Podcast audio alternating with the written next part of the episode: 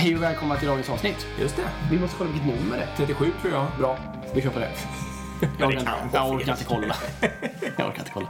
Av Agilpodden. Ja, eh, kul. Eh, och vi kan väl säga det innan vi sätter igång egentligen med avsnittet att vi kommer ta ett uh, sommaruppehåll på ett avsnitt i alla fall. Ja. Så vi är tillbaka 8 augusti sen igen. Precis. Efter det här. Eh, och det är helt enkelt för att vi ska iväg på semester och så Ja. vidare. Svårt att få upp. Eh, precis. Jag heter Dick. Du heter Erik. Ja, det är vi som är Agilpodden. Exakt. Vi vill tacka Informator som är sponsor till Agilpodden. Jättetack till er. Och vill ni hitta vad de erbjuder så in på agilpodden.se, klicka på informatloggan. Precis. Och så kommer ni rakt in i kursutbudet där så kan ni kolla på allt från utvecklingskurser till eh, ja, agila kurser också för den delen. Scrum. Master-certifieringar och ja, det finns det mesta. In och, in och anmäl där. Och om ni anmäler er, ange gärna agilpodden eh, som referens. Just det. Så vet de om att det kommer eh, vår väg så att säga. Precis. Ja, dagens ämne är agila ledningsgrupper. Eh, Och vi har ju funderat lite här fram och tillbaka på det här och vi förstår att det kanske är många människor som inte är med i någon ledningsgrupp och sådär. Vi ska försöka ta det lite, vränga lite ut och in på det här ämnet så att det blir någorlunda intressant för alla. Precis, vi tänker ju då att eh, om man inte är med i någon så kan det vara bra att få insyn i hur, hur det funkar i en traditionell och kanske hur det funkar i en, i en icke-traditionell ledningsgrupp. Eh, och är man med i en ledningsgrupp så, så är det här lite för att utmana er då kanske att eh, inte jobba så traditionellt. Precis. Det är väl så taken är på detta avsnittet. Jag tror vi börjar i, vad är en ledningsgrupp? Har du får nästan svara på det? Ska jag försöka? Herregud. En ledningsgrupp är eh, oftast en grupp chefer och eventuellt annan personal som leder en organisation, då kan man ju säga. Eh, det finns lite olika terminologi, så att vissa organisationer kallar bara den högsta gruppen liksom för ledningsgrupp och de andra får heta något annat då. Ja. Och vissa organisationer kallar det för ledningsgrupp på alla möjliga olika nivåer. Ja, helt olika. Och om man tänker sig case 2 så kan man tänka sig att man har en organisation med till exempel fyra chefsnivåer eller något sånt där. Från högsta och ner till första linjens chefer. Då eh, består ju den första ledningsgruppen då liksom av gruppchefer, eller alltså första linjens chefer och en andra linjens chef. Precis, och det är officiellt då den andra linjens chef som Leder gruppen. Ja. Ja, det är ni med på. Och sen eh, kan man ju dra upp det där ett snäpp då så består nästa ledningsgrupp av en tredje linjens chef som leder andra linjens chefer och så vidare om ni ser en sån här framför er. Sen kan det ju vara med så här en HR business partner, en controller, sekreterare, agil coach, man kan tänka sig alla möjliga och det är väldigt olika då. Man kan ju också lite komplicerat nog då ha ofta gruppchefer på även högre nivåer. För det kan bero på att en ledningsgrupp kan bli för liten. Om jag säger att det finns bara två andra linjeschefer och sen en tredje linjeschef. Den ledningsgruppen blir tre personer. Då vill man liksom grotta ut det. Då kanske man tar med gruppchefer ur, andra delar av organisationen för att liksom få volym. Precis. Alternativt då agil coach eller HR eller vad det nu kan vara. Och det brukar då kallas för direktrapporterande eh, gruppchef till exempel. Ja. För att indikera liksom att, den, att man hoppat över någon slags hierarkiskt steg där. Då. Det är en ledningsgrupp. Mm. Hur ska, vi, ska vi dyka rakt på hur, ser en hur jobbar man och hur ser en traditionell ledningsgrupp ut? Det kan vi väl göra. Ehm, ofta är det ju liksom ordförandeskapet är ju hos högsta chefen. Ja. Den personen, eh, om man ska raljera lite, dikterar ju agendan Ja. eh, och bestämmer utifrån dess principer. Det är ganska vanligt också att i, i traditionell organisation så kommer väldigt mycket information ledningsgruppsvägen. Alltså man har ett högsta mö- möte, eller högsta ledningsgruppen träffas eller vad det nu är. Och sen så rullar det ner liksom i ledningsgrupperna Ja. hela vägen ner. Och sen så slutar det med att man har ett gruppmöte eller någonting då där liksom gruppchefen sitter med personalen och berättar. Finns det någon potentiell nackdel med det här? Ja, det är ju väldigt snabbt som ni förstår. Det kan i och för sig gå fort, men finns det någon annan? Ja, okej då. Men, men man kan ju ha alla de där mötena i sekvens, så det kan ju gå på en tre, fyra dagar. Det kan det, men det, filtrer, det filtreras ju också. Det är ju liksom att man får inte som individ ta, ta vilken information man vill utan det filtreras ju ner beroende på vad de här cheferna tycker är lämpligt att sprida och inte Ja. att sprida. Precis, och om man vill vara ändå lite mera krispig där så kan man ju påpeka det. För om ni har lekt viskleken någon gång, suttit i en stor ring 20 personer och viskat ett ord runt liksom. Eller något Det är ofta ett härligt ord som kommer i slutet. jag. Exakt. Ehm, och det är ju det, den risken man utsätter sig för då. Ja. Ja, sen är den eh, ofta består den av vita män. Eh, det har visat sig vara en, eh, statistisk faktor som Ja, i alla fall ofta är uppfylld utan att lägga någon mer värdering i det. Ja. Ehm, ofta så jobbar man ju med det här, eh, det ska vara lite så här, det, ska vara, det heter att det ska vara förberett så att man ska ha en agenda ute en vecka innan och man ska skicka ut material så att alla ska kunna läsa innan. Eh, och lite sådana saker. Och det är ju alltså dumt, anser vi då. Bara för att vara Kanske hörs lite på Ja. mitt tonfall. Ja. Jag, tänker, jag, jag tänker inte låta någon missförstå att det är dumt. Alltså jag var tvungen att säga det. Nej, men jag menar, eh, ja, men det kan inte med vara så illa då att eh, agendan ska vara liksom spikad två veckor innan mötet för allt kan skickas ut. Och, men för det första är det så att det, finns ingen människa på jorden som läser detta. Eh, och gör man Inte det så många, nej. Och gör man det så kanske det är ett symptom på något annat. Ehm, och sen också så är det ju så att man anpassar sig inte efter verkligheten. Nej. Jag menar, säg att vi har en situation nu där vi faktiskt måste lösa någonting. Ja, nej, tyvärr, agendapunkten, eh, agendapunkten är fulla för det här mötet. Du får komma om två och en halv vecka eller tre eller fyra eller fem eller vad det nu kan vara. Ehm, Ja, men man kan väl säga så här att eh, två veckor i förväg, det kanske passade alldeles perfekt under romartiden när ganska mycket av kommunikationen gick men att någon red runt med små brev i hela romarriket. Liksom. så. Och man var tvungen att vara lite strukturerad och sådär för att det inte skulle bli Hawaii av alltihopa. Ja. Eh, nu, om ni har talas om de här digitala möjligheterna som finns, så att säga, när all information är tillgänglig i realtid för alla människor kors och tvärs, så händer det så fruktansvärt mycket på två veckor så att om man hela tiden lägger in en sån fördröjning på allting man gör så kommer man ju ständigt ligga efter. Liksom. ja, det kommer vara inaktuella ämnen. Exakt. Så är det ju helt klart. Här finns det också, bero, beroende på detta så finns Per Holknekt, en del kanske vet vem han är och inte. Han är ganska aktiv på LinkedIn i alla fall. Han skrev en, en, eh, ett inlägg där som blivit ganska delat om att han föreslår att på alla styrelsemöten, och det är ju något annat än ledningsgrupp men det är ändå en form av ledningsgrupp kan man väl säga. Ehm, att man ska vända på agendan och alltid ta övriga frågor först. För att faktiskt få fram det som är viktigast på riktigt och sen ta alla de här grejerna man måste gå igenom, typ ekonomi, eh, ja, vad det nu kan vara för viktiga frågor man måste gå igenom på ett styrelsemöte. Ja, vi, vad tycker du då? Hur gör man en agenda? Ja, oj, det, det var en, ett, sido, ett sidohopp. Men Ja, förlåt, var du mitt i så Nej, fortsätt? nej men, egentligen inte. Men, men jag kan bara avsluta. Poängen var ju väl att eh, att just varför det blir så att övriga frågor blir där det händer saker är ju för att man har bestämt dem där så långt i förtid så de inte är aktuella. Och det ska visas med statistik och grejer som inte någon vill se liksom, som man kanske redan har sett liksom. Eh, Därför blir övrig punkten viktig och därför ska man ta den först. Och jag menar, det är ju en lösning kanske men, men det är kanske bättre att faktiskt titta på varför har man de här punkterna. Ja, för det jag skulle komma till var nämligen att om jag, om jag ska svara på min egen fråga, Ja. som, så som varande en sann narcissist, så skulle jag ju svara att eh, eh, om jag, när jag fritt själv får välja, då finns det ju bara övrigt, övriga frågor, eller hur man nu vill uttrycka saken. Eh, alltså då är det ju inte, alltså, alla sådana här fasta punkter är ju fullständigt livsfarliga. För Ja. de tenderar ju att slöa ner allting och liksom de de är ju inte, man kan väl ha en, en punkt som återkommer under en tidsperiod men en punkt som återkommer år ut och år in blir liksom eh, man är inte intresserad av att jobba med en specifik fråga på det viset under så lång tid. Det är inte smart liksom. Antagligen inte. Antagligen inte. Nej.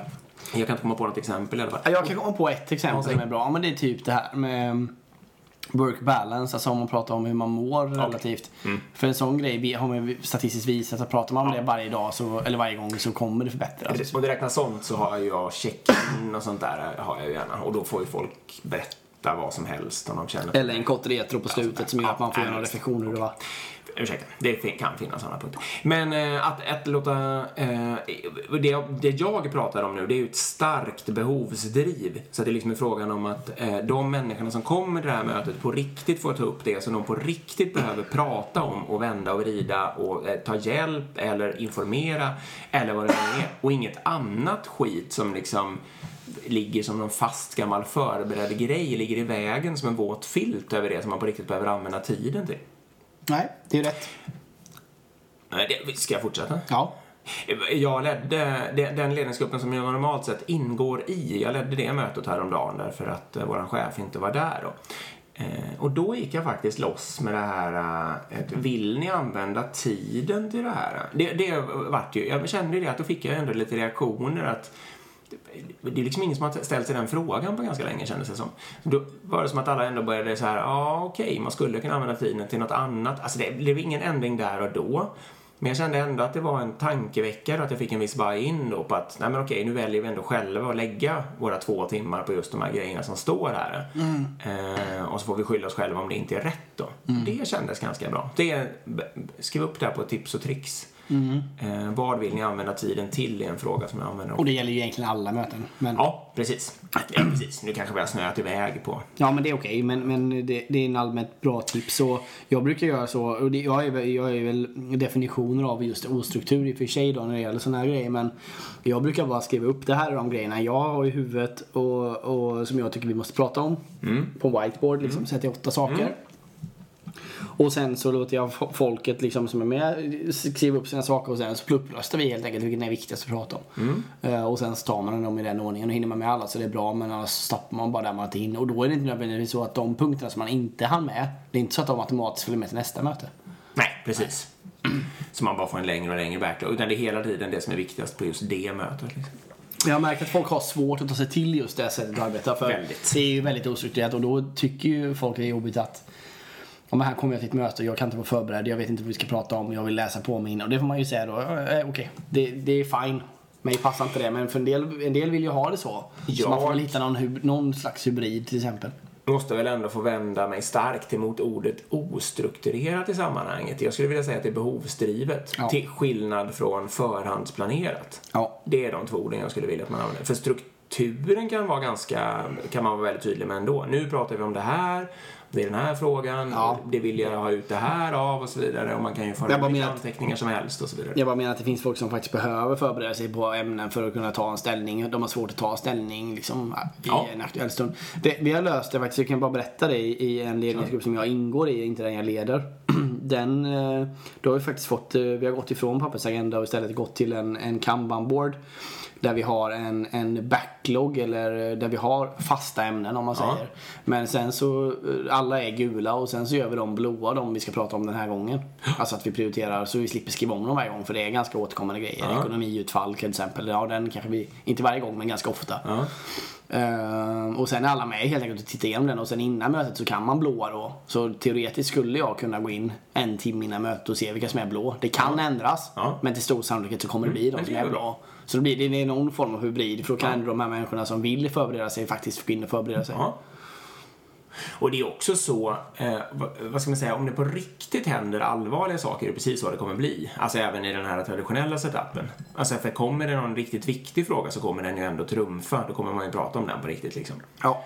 Eh, Och risken är att det kommer sent bara så man har ont om tid och så vidare. För man har... sämsta fall. Ja. Men är den riktigt, riktigt viktig så Nej, då- kommer man ju ta den först. Så det, det är ju också det beteendet som man liksom naturligt intar om det, och liksom om, om det spelar roll. Det, det är dit jag vill komma. Ja, ja, bra.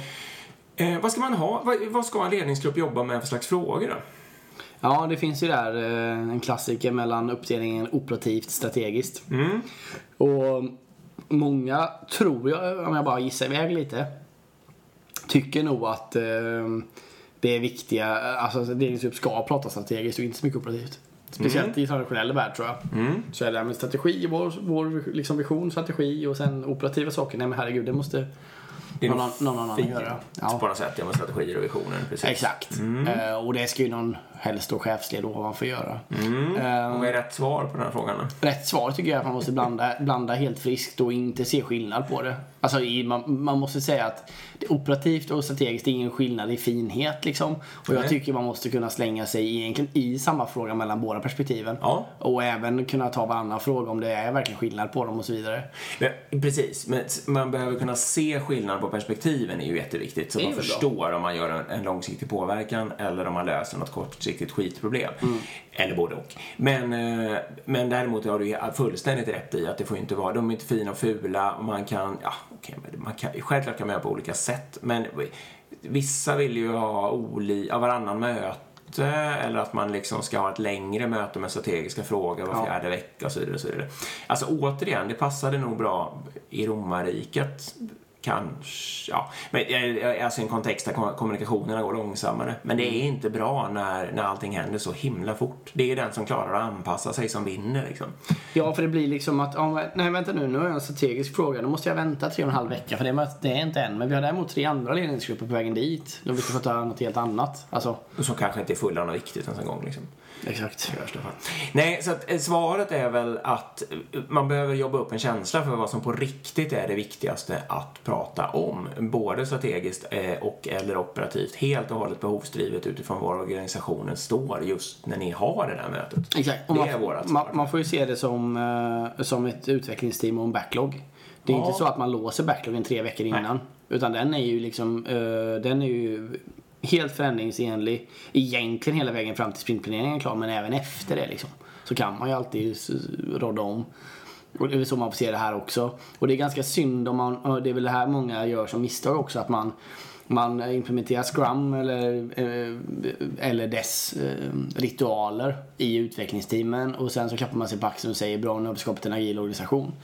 Och sen har man liksom, eh, sitter man fortfarande med de här klassiska ledningsgrupperna ovanför som tar beslut ovanför hu- utvecklingsteamens huvud och inte involverar dem och, och så vidare. Va? Och, och det är ju väldigt dumt liksom. Verkligen. Jag får bara också säga, för risk att bli missförstådd där. Jag är ju verkligen en sån människa som kan tänka att, eh, att det är viktigt att åka bort och jobba med eh, kulturen till exempel. Det gjorde ju min ledningsgrupp här. Och strategin för all del. Men vi la, vi la ju verkligen en, ett fokusblock på kultur. Och det kan man väl verkligen göra. Och det liksom ska man göra och tänka. Och då kan det ha ett värde att det är ett speciellt möte och så vidare. Ja. Men då har jag ju verkligen tänkt efter och insett att jag tycker det är viktigt och så har jag planerat in det och jag är fortfarande fullständigt öppen. Nu ska jag tänka efter om det blev så. Men alltså jag kan ju absolut ha en operativ fråga där och då också om det flimrar förbi en. Jo, det var nog någon operativ fråga kring lönesättningen som vi var tvungna att lösa där därför att det liksom låg rätt i tiden. Ja, då smyger vi ju in den, ser till att den inte dominerar för mycket men kör den på en halvtimme. Eh, och sen fortsätter vi med våran heldag då till exempel. Ja, nej absolut, jag har gjort samma sak. Och där gäller det ju då, ja, eller som, nu, som vi tycker så är det ju viktigt att, att kunna göra det. Liksom. Alltså, planera ledningsgruppens arbete så man får med de frågorna, alltså visionsfrågorna eller vad det nu är man vill jobba med. Kulturfrågorna också. Eh, men inte låsa sig på något sätt i någon form kring det. Liksom. Nej, ett annat stalltips är ju att om du sitter i en ledningsgrupp, oberoende av vilken nivå det är på, och så sitter man, och det är ganska ofta i alla fall jag är med om det, att då sitter helt plötsligt man och ska ta något beslut som påverkar hela organisationen. Det kan vara allting från vad ska vi göra nästa möte, alltså avdelningsmöte eller företagsmöte eller kick-off eller vad som helst. Eller ska vi, ska vi gå på den här teknologin eller den här eller ska vi köpa in den här produkten eller inte? Ja, Olika sådana frågor. Ett, ett stalltips är ju där liksom att så fort ni börjar ta beslut på den här nivån, gör inte det. Utan kolla hela tiden med de som faktiskt ska använda det. Och det låter så jävla självklart men det händer inte i organisationerna idag. Nej, man chansar. Utan man, man chansar lite och så tänker man att nej men det här måste ju vara ett bra, bra beslut, tror vi. Och sen så blir diskussionen istället hur ska vi förankra detta? Ja, så är det mycket. Ja, och då är man ju helt fel ute för du ska aldrig behöva förankra ett beslut för ett beslut ska ju komma underifrån liksom.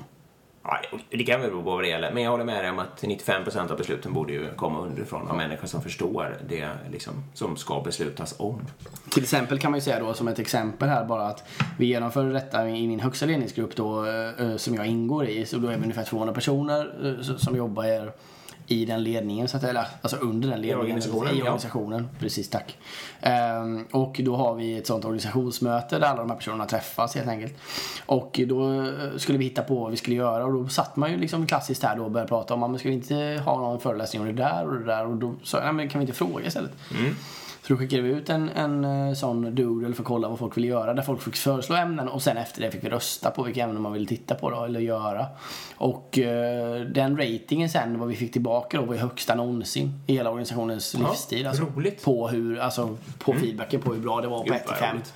Så det gav ju ganska snabbt resultat. Liksom. Så nu har vi det som en standard då att för varje sånt möte så, så tar vi in eh, vad vi ska prata om och vi låter även de som ska vara med prioritera. Också en sån grej som låter självklart men det är, händer återigen inte överallt och det är inte så vanligt. Om man ska hoppa till såna här... Eh, eh ja, äh, jag hoppar. Jag, jag orkar inte ens etik etikettera det hela. Eh, eh, transparens tycker jag är viktigt. Eh, och det är en sån här sak som, om ni jobbar i en ledningsgrupp, eh, eller leder den för den delen, Tänk på det. Finns det någon som helst anledning att inte jobba på en eh, digital yta som alla kommer åt? I normalfallet i alla fall. För mitt svar är oftast att nej, det gör det inte. Utan se för guds skull till att vara någonstans där alla i er organisation kan se vad ni gör. Alltså, och det kan ju vara Slack eller något sånt där. Men det kan även vara något filsystem. Det, det skiter jag i. Ja. Eh, och så de få sakerna som eventuellt faktiskt på riktigt är hemliga, om ni nu har något sånt, eh, ha dem någon annanstans. Men försök för allt i världen inte göra tvärtom. Att hålla allt hemligt och sen så tro att ni ska komma ihåg och släppa ut den lilla informationen som, eh, liksom, som människor behöver inom Fnutta. Då. Och jobbar ni i en organisation, samma sak. Kräv transparens. Alltså, Exakt, bra. Fråga liksom. Vad, vad kom ni fram till där? Och hur kunde ni fatta det här beslutet? Vem hade de här åsikterna? Det här är hål i huvudet. Eh, hur gick den diskussionen? Och så vidare. Och så vidare. Precis, och det är bara att säga det. Det är bara att fråga din chef idag. Varför ser inte jag vad ni gör på ledningsgruppen? Precis. Varför är inte det er backlog transparent? Varför är inte ert resultat transparent? För tyvärr är det så att, eller nästan garanterat tyvärr, så är det så att du som medarbetare, du har ingen aning om vad som sker under ledningsgruppen. Uppfostra din chef helt enkelt. Det är Ja. det vi säger. Och om inte annat så får ni eh, tvinga dem att lyssna på det här avsnittet. Ja, det är bra. Eh, om man... Det, en sån här skiljelinje mellan ledningsgrupper eh, tycker jag ofta är då om man lyckas få till det här så att säga teamarbete eller om eh, de här eh, cheferna sitter och respekt, vad heter det, representerar sin egen organisation bara. För liksom, om, man tar, om, om jag tar de övertydliga eh, liksom typerna, ser att i det ena fallet kan man då tänka sig att personerna sitter där och lite krigar mot varandra. De eh, försöker få beslutet i den riktningen som gör att de själva får mer personal, mer makt eller får göra mer saker på något sätt. Eh, och de kanske ofta ställs till svars för personliga mål, att de ska, eh, deras organisation ska vara så billig som möjligt eller ja, vad det nu kan vara för någonting. Och i det andra caset så jobbar man då som ett liksom, lag på något sätt. Eh, hjälps åt i frågor, tar upp gemensamma frågor, samarbetar, samarbetar i små grupper, kanske parprogrammerar eller mobbprogrammerar, alltså inte just programmerar då, men löser olika uppgifter liksom som grupparbeten och sådär.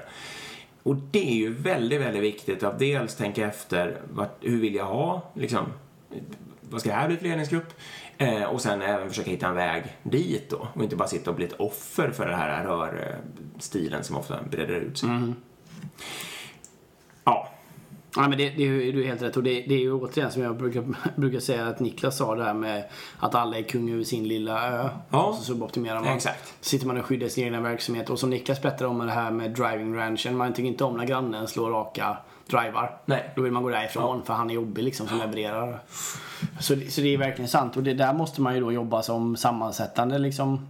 Eh, om man nu har en ordförande i, i det liksom att den verkligen ser vad är vårt syfte liksom och vad gör vi här? Och nu menar inte jag att man ska sitta och göra en, med en övning vad vårt syfte är. Men att man verkligen lägger fokus på att nej men det är vi som team, vi ska inte rapportera här till mig. Det är precis som precis. men man, man kan dra alla paralleller till hur en stand-up funkar och allting och hur, hur man jobbar med utvecklingsteamen. Man måste applicera samma sätt genom hela organisationen egentligen. Och det är det vi säger här också att jag menar i en stand-up är det också jättelätt att varje individ står och rapporterar till Scrum Mastern. Jag har gjort det här och jag har gjort det här och sen går man vidare. Det blir samma sak på ledningsgruppen. Men jag har gjort det här så då klarar jag mig undan. Inte hur löser vi det som grupp liksom. Och samma sak är det med retrospektiv också. Det är väldigt få ledningsgrupper som har ett retro inplanerat. Man tycker det är skitbra att teamen gör det. Man tvingar in eh, kontinuerligt lärande i organisationen. Ja, och sen så skiter man fullständigt i det själv. Ja, eller också tycker man att det är svinbra när man råkar göra det en gång för att man fick dit någon agilcoach eller något och sen glömmer man bort det. Ja. Det tycker jag är ganska vanligt. Ja, och, men de har i alla fall gjort det. Jag lovar, är majoriteten av Sveriges ledningsgrupper har inte gjort en retro någonsin. Nej, kanske inte. Och, implementera det för guds skull. Och om vi får till ett sånt här lag, då är det ju de här klass... Alltså alla som vet något om grupputveckling, det är ju de grejerna då som gäller liksom. Alltså, eh, ta hjälp av varandra, eh, be om hjälp, eh, stötta den som behöver hjälp, utkräva ansvar för den delen. Alltså ifrågasätta om någon inte har gjort det den ska. Ja. Det för ju en grupp framåt. Säg det du tycker och så vidare. Och så vidare. Sitt inte och driv dina egna frågor utan liksom tänk på gruppens hela. Sätt målen så att de gäller för hela organisationen och inte bara för din del etc. etc. Ja. Ska vi ta och titta lite på hur man komponerar en ledningsgrupp då? ja, spännande. I och med att, eh, nu kommer vi tillbaka där vi tjatade om förut, men eh, i och med att du är rätt bra så måste det enklaste måste ju vara att du letar upp lite kopior på dig själv, Erik. Ja, exakt. Det måste ju bli en jättebra Ja, grej. men det är precis som en chefs... Ja, men chefsrekrytering sker ju ofta i ledningsgruppsarbete kan man väl säga. Det är ju väldigt vanligt att man väljer en ledningsgrupp som tycker likadant för man vill ha likriktat och så tycker man fan vilket drag vi har nu gubbar. Eh, nu tycker vi likadant här och vi bara, besluten bara swishar fram. liksom. Det känns bra, ja. Ja, fan vad det går undan. Det går lätt. Ja, ja, ja visst vet du. Det är inga grejer utan eh, jag behöver inte ens dra fram de där tråkiga underlagen utan det är bara att säga att här kör vi på och så gör vi det liksom. Mm. Det, det är ju tyvärr vanligt då. Och det är ju inte så bra. Men det är återigen kopplingen till hur ett, ett utvecklingsteam ska fungera. Man måste ju ha olika liksom, approach och olika T Ja. eh, i, i sin kompetens och även i sitt tycke och bakgrund och allting för att få en, en bra dynamik i en grupp. Och det är väl samma sak om man går in på hur många det ska vara. Ja. Där har jag faktiskt en åsikt, men säg. Ja, men jag tycker att det ska vara som ett uh, scrum-team egentligen. Och då, jag brukar bestämma det som 5 plus minus 2. Ja, vi Något se, vad är det samma sak som 3 till 7? Ja, jag brukar säga 4 till 7. Ja, men okej, men precis det är ju där någonstans Någonstans. 3 kanske är lite tunt. Men, Tre är lite men, tunt. Men då kan man få riktig grupputveckling nämligen. Ja, exakt. Bra, liksom. exakt. Och det är ju helt enkelt för att eh, om, man, om man tittar på att alla ska integrera med varandra. Mm. Då blir det liksom att när komplexiteten blir så fruktansvärt hög så fruktansvärt fort. Liksom. Ja, exakt. Så, så om man är 8, 9, 10 stycken då, och då blir det inte det här att man känner teamansvar Nej. utan då är det någon annan kan göra det där. Jag behöver inte räcka upp handen, det kommer bli av ändå och så vidare. Ja. Antingen får man rörläget, folk sitter och vaktar på sitt eget, Ja. eller också faller den sönder i två eller tre eh, Interna grupper, ja. Exakt. Ja. Interna grupper som hittar lite mer samhörighet med varandra. Nej, men det är ju precis så det blir.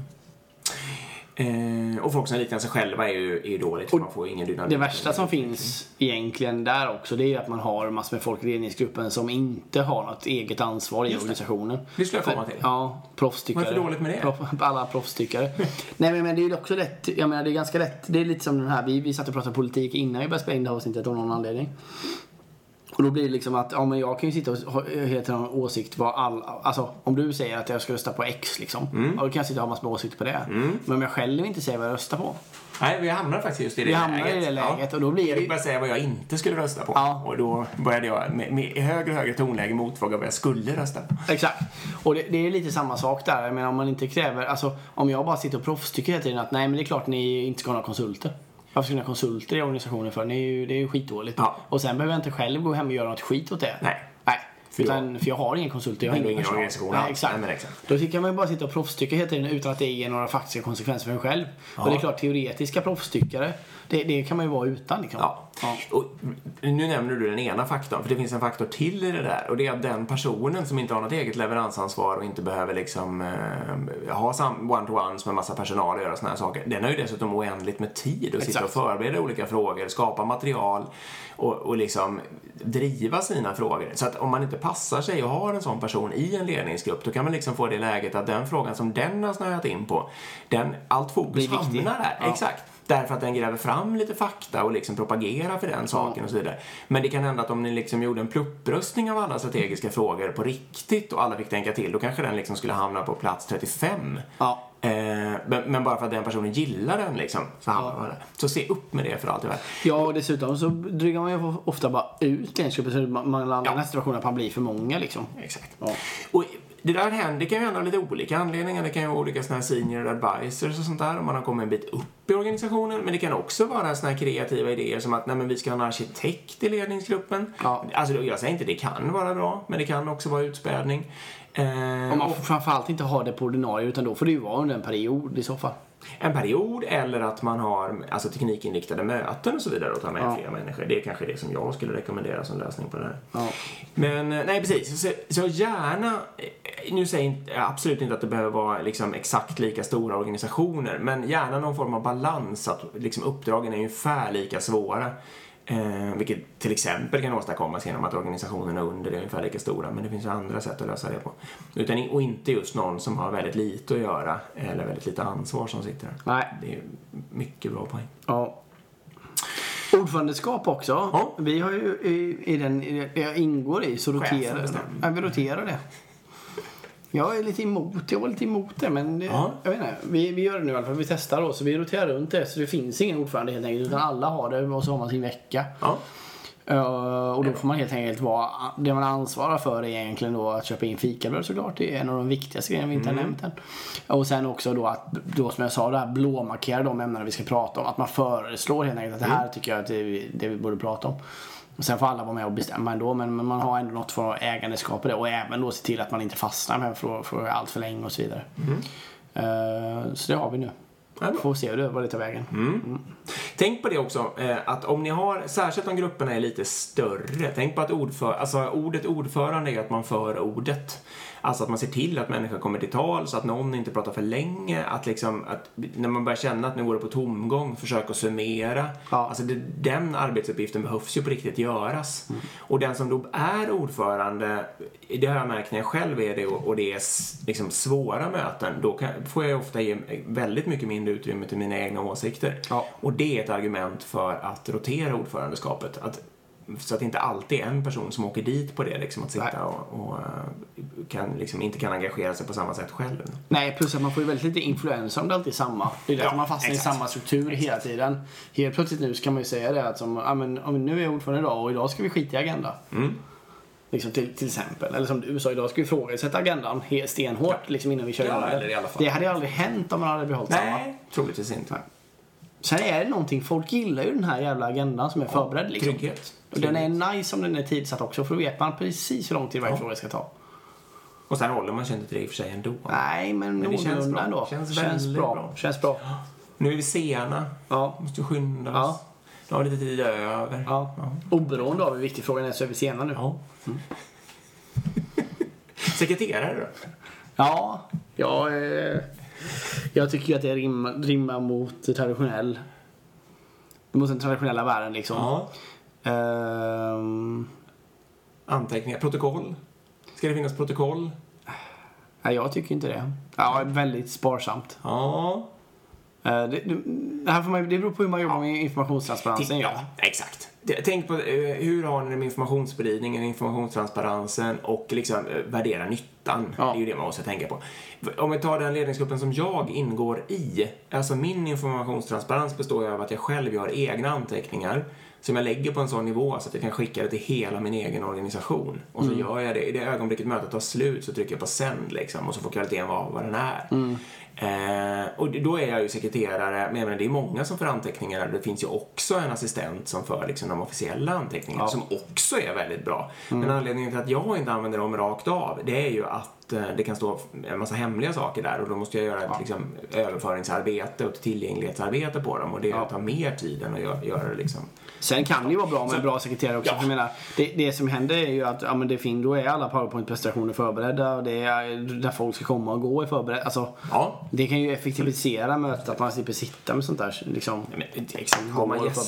Gäster och så, då får det ju vara någon form av tid för dem och så vidare. Det tyckte ju vi också. Och, och då får man väl någon idé om hur länge de ska vara där. Om inte annat behöver de veta det själva. Så, Ja. så jag menar, absolut. Eh, Sånt kan man ju få bete sig lite mer klassiskt på. Ja, verkligen. Okej, men slutkontentan då. Ja. Det är väl egentligen, eh, tycker jag, att om du sitter i en ledningsgrupp, frågasätt hur ni jobbar. Ja. Om du sitter med agenda, frågasätt det. Kom med nya förslag. Man kan alltid sälja, sälja in det på att kan vi inte testa att jobba annorlunda i två månader? Och sen experiment. gör vi en retro på det. Ja. ja precis, kallar det för experiment som vi lärde oss från Kniberg. Eh, gör en retro på det, lär er. eh, och sen så kan ni gå tillbaka till det traditionella ifall det, ifall det var bättre. Eller hitta en hybrid. Ja. Ehm, om du inte ingår i en ledningsgrupp så tycker jag att du ska kräva att veta vad som händer, frågasätt varför Ja. det inte alltid är transparent. Eh, och om allt är det så är det väl toppen men det är Ja. ganska ovanligt tror jag. Väldigt ovanligt. Så det är väl lärdomen egentligen tror jag. Precis. Mycket bra sammanfattat.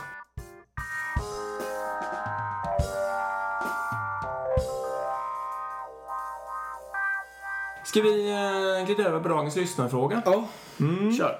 Den är otroligt rolig. Hur ska man hantera höga chefer med fel drivkrafter? Och jag tror att fel i det här äh, sammanhanget ska väl då förstås som att man liksom har drivkrafter som inte är optimala ur, äh, ur, ur, ur liksom i förhållande till den Strategi, visionen alltså. eller strategin som man vill åt. Ponera till exempel att det är mjukvaruutveckling och att man har någon slags agil eh, strategi och ett servant leadership. Och så där, nu tar jag det absolut mest klassiska exemplet här. Och så har man höga chefer som sitter där med drivkrafterna makt och status. Eh, därför att det var på 70-talet liksom, när de började sin chefskarriär. eller 90-talet. Eller 90-talet. Så var det de drivkrafterna man tittade efter när man tillsatte chefer. Ja. Ja, hur gör man då? Ja, men jag, Jag har ju sagt det innan och jag säger det igen. Jag tycker återigen att uh, alla de här rollerna, uh, speciellt då chefskapet, det är ju någonting man ska ha på låns liksom. Vilka chefer behöver vi ha i den här transformationen för att driva den här strategin för att komma till den här visionen? Ja. Det innebär att om man har uh, chefer som beter sig, om vi tar det först då, på det konstiga sätt och så vidare. Det, det går ju att jobba med ja, beteenden går att jobba med. och ändra och så vidare. Ja. Men har man chefer som har drivkrafter som går rakt emot det man vill, då ska man ta bort dem. Ja, om de är starka Ja. och personen liksom inte just på ett snabbt, enkelt sätt kan ändra sitt beteende, då är det troligt att det aldrig kommer gå vägen. Nej, jag, jag tror inte det. Och jag tror man, man får inte vara rädd för det heller. Vill man driva förändring så man kan liksom inte sätta en, en ehm, för i och med att på många företag så tar en chefskarriär ganska lång tid. Ja. Och då, det slutar med att alla som sitter på den här liksom, högsta ledningsgruppsnivån då, eller på höga ledningsgruppsnivåer, de har liksom jobbat 10, 15, 20 år och så vidare. Ja, och vill vara kvar där. Ja, och vill sitta där och mysa i all evighet. Liksom. Kopplat till hög lön och så. Ja, det är det ju också tyvärr. Och då blir det liksom att, om sen så måste företaget ta en annan, en riktningsförändring som går emot det de själva implementerat. Det blir ju dumt liksom. Ja, det går inte. Nej, för Eller- dels så går det. Beroende på, och det, det är väl där det blir intressant och beroende på vad du har för Ja, drivkraft. precis. För på många drivkrafter så funkar det absolut. För jag menar, jag en av mina drivkrafter är att driva förändring. Mm. Så jag skulle inte funka i ett företag som säger att nej men vi har bestämt oss för att så vi jobbar är superbra och det har vi gjort jättejobb, mycket jobb och nu ska vi bara supermysa i, i den här. Vi ska inte förändra något nu på flera år här utan vi ska as is förvalta Nej, sådär. så- Då skulle, jag, skulle, jag, jag skulle bli jättedålig chef där. Och då skulle jag, i, i en sån organisation skulle jag behöva bli avsatt som chef. Ja. Och så skulle man behöva ta någon annan. Ehm, och så skulle jag få göra något annat då. Jag kan ju driva något förändringsinitiativ som inte har innebär chefskap eller vad det nu kan vara. Ehm, eller för att gå till en organisation där man vill ha förändringar. Men det, vår tes är väl här också att vi tror inte det är så jävla lätt att ändra på de här drivkrafterna. Nej, precis. Och det är väl en lärdom. Det, det är, jag tror jag fick upp ögonen för det när vi hade Pia-Mia eh, här och hon började prata drivkraft jag började tänka mer på det efter det. Och sen Hon pratade också om det att just om de är starka så är det, det är ju svårt. Liksom. Man ändrar inte sina inre drivkrafter. Nej. Eh, man kan ändra beteende men om, om man be- begär beteenden som går liksom tvärs emot, alltså inte som bara en justering som går åt andra hållet jämfört med de inre drivkrafterna, då blir det problem. Liksom. Det är inte bra. Så vårt svar på det här är väl att eh, om det liksom är icke-dominerande drivkrafter som, så att säga, och personen är förändrings eller liksom öppen för att ändra sina beteenden så då är det ju verkligen en fråga om att utbilda och jobba med och så vidare. Men är det starka drivkrafter som just pekar åt helt fel håll då ska personen troligtvis ha ett annat jobb. Ja. Det är väl liksom det generella svaret på det där. ja. Vi vi försökte lite snabbt där, vi borde ju verkligen göra en drivkraftsanalys på oss själva, men vi försökte lite snabbt identifiera Ja, det var spännande. Ja, det var lite kul faktiskt. Här, vad har vi själva för drivkrafter? Ja. Och nu har ju du råkat nämna en här. Ja, förändrings... Och den har jag ju också. Alltså bägge vi passar ju i en kontext när det är mycket förändring enkelt. Ja. Kanske du har den ändå starkare än vad jag har. Men, Ja, kanske. Jo, det har Eh, jag. Men det är för att jag är yngre också. Kan vara Kanske. Mm. Precis. Ja, och jag pratar för mig själv då. Jag en väldigt stark drivkraft hos mig är ju att synas. Den är ju så här... Alltså den är ju varken, den är inte utpräglat positiv eller negativ. Den, det finns ju absolut styrkor med det, det finns absolut, alltså det kan urarta till svagheter också. Eh, och som jag sa förut är att om jag lät den liksom, vad ska man säga, att om jag lät den vara jättestark i mitt liv, då skulle jag ju behöva söka jobb på Dramaten eller något sånt där. Eller sådana podcast. Eller ja, eller starta en podcast. Men, eh, men den är ganska stark hos mig och jag spelar ju på den ganska mycket liksom och alltså föreläser och lär ut och såna här saker. Eh, och syns i alla möjliga sammanhang liksom. Och i, I huvudsak så gagnar den ju mig och i huvudsak så funkar den ju med precis den sortens jobb som vi gör och sådär. Ja. Och den liksom i kombination med förändringsbenägenhet och sånt där eh, blir ju väldigt stark. Men jag är väldigt medveten om det och jag aktar mig för att låta den dominera liksom i sammanhang när det, är- till, en sak som jag verkligen tänker på är att inte ta över alla möten jämt och ständigt bara för att få liksom lite extra, synas lite extra mycket själv. För det är en sån sak som jag, jag skulle göra om jag bara mitt, lät mitt naturliga jag agera hela tiden. Eh, Ja. Så det är viktigt att förstå drivkrafter. Ja, verkligen. Jag hade också en, eh, jag hade ju förändring som vi pratade om. Jag har en ekonomisk också. Ja, den är kanske stark hos dig. Alltså, Den är väldigt stark hos mig. För mig är det ju inte, det, alltså, nu skulle inte jag kunna ta ett jobb på Philip Morris och, just eh, optimera deras IT-system kring cigarettförsäljning. Men, men, eh, men eh, Du drar mer. Det är troligare att du gör än jag. kanske. ja det, exakt så kan man väl slut, så kan man väl sammanfatta det. Jag har ganska lite moral just i, i de frågorna och jag har en stark drivkraft i att, att tjäna väldigt mycket pengar. Ja. Och det är ju en sån här, det är ju en sån här jätteviktig, det är ju jätte, jättebra att du själv är medveten om det. För Ja. det kan ju verkligen finnas nackdelar med det. Ja, verkligen. Verkligen. Mer nackdelar än min att synas. Och jag har ju också, jag menar jag ty- tycker också det är viktigt med ekonomi. Men eh, som, ja, det är bra exempel. Det, man kan identifiera att det är starkare. Ja, alla tycker väl det är mer eller mindre viktigt. Ja. Men, men det var Det är väldigt olika. Ja. Och speciellt i drivkrafter. Så att första steget är väl verkligen då medvetenhet om de här personernas, om vi nu pratar hoppa tillbaka till lyssnarfrågan, liksom, hur hanterar man höga chefer med fel drivkrafter? Alltså förstå hela spelet först. Ja. Och sen bestämma liksom, om det går att ändra eller inte. Jag skulle alltså inte passa, bara för, för att summera då, jag skulle alltså inte passa på en arbetsplats som inte ska driva förändring och som också har någon form av så här dålig ekonomisk modell som gör att man tjänar pengar på... Ideell verksamhet Ja, nu börjar det bli jobbigt. som ett ideellt bibliotek med tydliga lå- inlånings och utlåningsprocesser. Det måste vara min mardröm. Ja, det borde vara ganska Sätta mig som VD för det. Ja. Ja, roligt. Man kanske ska utmana de drivkrafterna. Vi ska utmana de drivkrafterna lite i höst. Vi ska hjälpa till vid några ideella projekt ju. Just det, det ska vi faktiskt göra. Så eh, då får vi utmana dem då. Eh, Okej, ja, men vi är bra. Ska vi runda av? Men, Vad sa äh, du? förlåt, men det är ju med hög förändring. Vi ska ju hjälpa dem att förändra. Ja. Så det är ju halvfusk. Ja. Men för alla. Men det några tips kanske ska bli att inte förändra pengar. Eh, ja, vi ska runda av. Ja. Ehm, ska vi... Puffa för, ja, för våra egna saker. Ja, precis. Vi håller ju fortfarande på med boken. Ja. Den kommer komma i höst som det Ja. ser ut just nu. Jättekul. Ja. Ehm, och vi håller också på, ja, vi håller helt på, på att fixa med det. Ehm, och sen, mer om det när det väl kommer. Ehm, och sen så har vi våra kanaler då. Vi har på Instagram får ni jättefölja, gärna följa oss. Yes. Uh, Agilpodden heter vi där. Ja. Vi försöker sända lite live också när vi träffas och förbereder sådana Mm. här poddavsnitt. Så där kan man gå in och vara med. Vi har en mail. Eh, agilpodden at gmail.com och vi finns även på Facebook, Agilpodden. Det gör vi också. Och på mejlen där så kan ni jättegärna dra in lyssnarfrågor, Ja. föreläsningsfrågor, eh, vad det nu kan vara, tips eller vad som helst. Så tar vi gärna och svarar och hjälper till. Vi försöker läsa och svara på allting, absolut. Eh, och vi kan ju också säga att vi fortsatt letar sponsorer till podden framöver.